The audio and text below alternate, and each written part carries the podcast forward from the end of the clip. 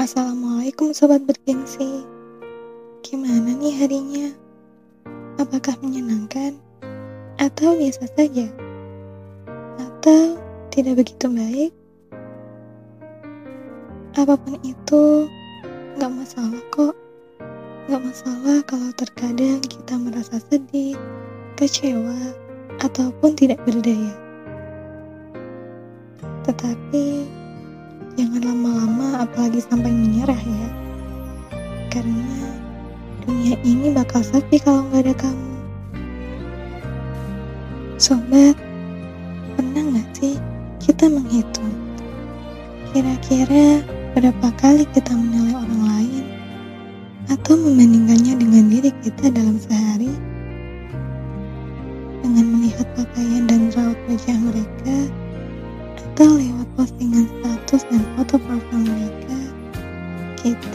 tanpa sadar menilai mereka dengan penuh keyakinan hanya lewat sebagian kecil dari apa yang kita lihat. Tapi coba kalau kita di posisi itu, nyatanya kita sendiri nggak mau kan dinilai ataupun dibandingkan dengan siapa pun. Kayak, kamu tahu apa sih soal aku? Selain itu, ketika kita membandingkan diri kita dengan orang kita bisa menemukan bibit-bibit diri dan penyakit hati lainnya dalam diri kita.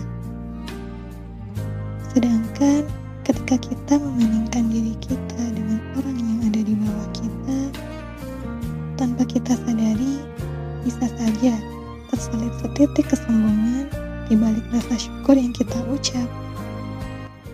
Kalau kita ingat, Allah menciptakan manusia dengan potensinya masing-masing. Kita semua ini punya porsinya masing-masing, punya capaiannya masing-masing, dan punya keistimewaannya masing-masing.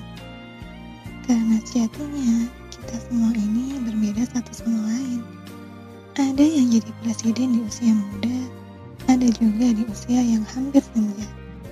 Ada yang menghafal 30 juz Al-Quran di usia belia, pun ada juga yang dengan luar biasa bisa menghafalkannya di usia yang menua. Semua itu istimewa dengan prosesnya masing-masing. Jadi, bagaimana bisa kita membandingkan sesuatu yang memang jelas-jelas berbeda? Kalau kata Ali bin Abi Thalib, barang siapa yang sekarang lebih baik daripada kemarin, maka dia termasuk orang yang beruntung. Barang siapa yang harinya sama dengan kemarin,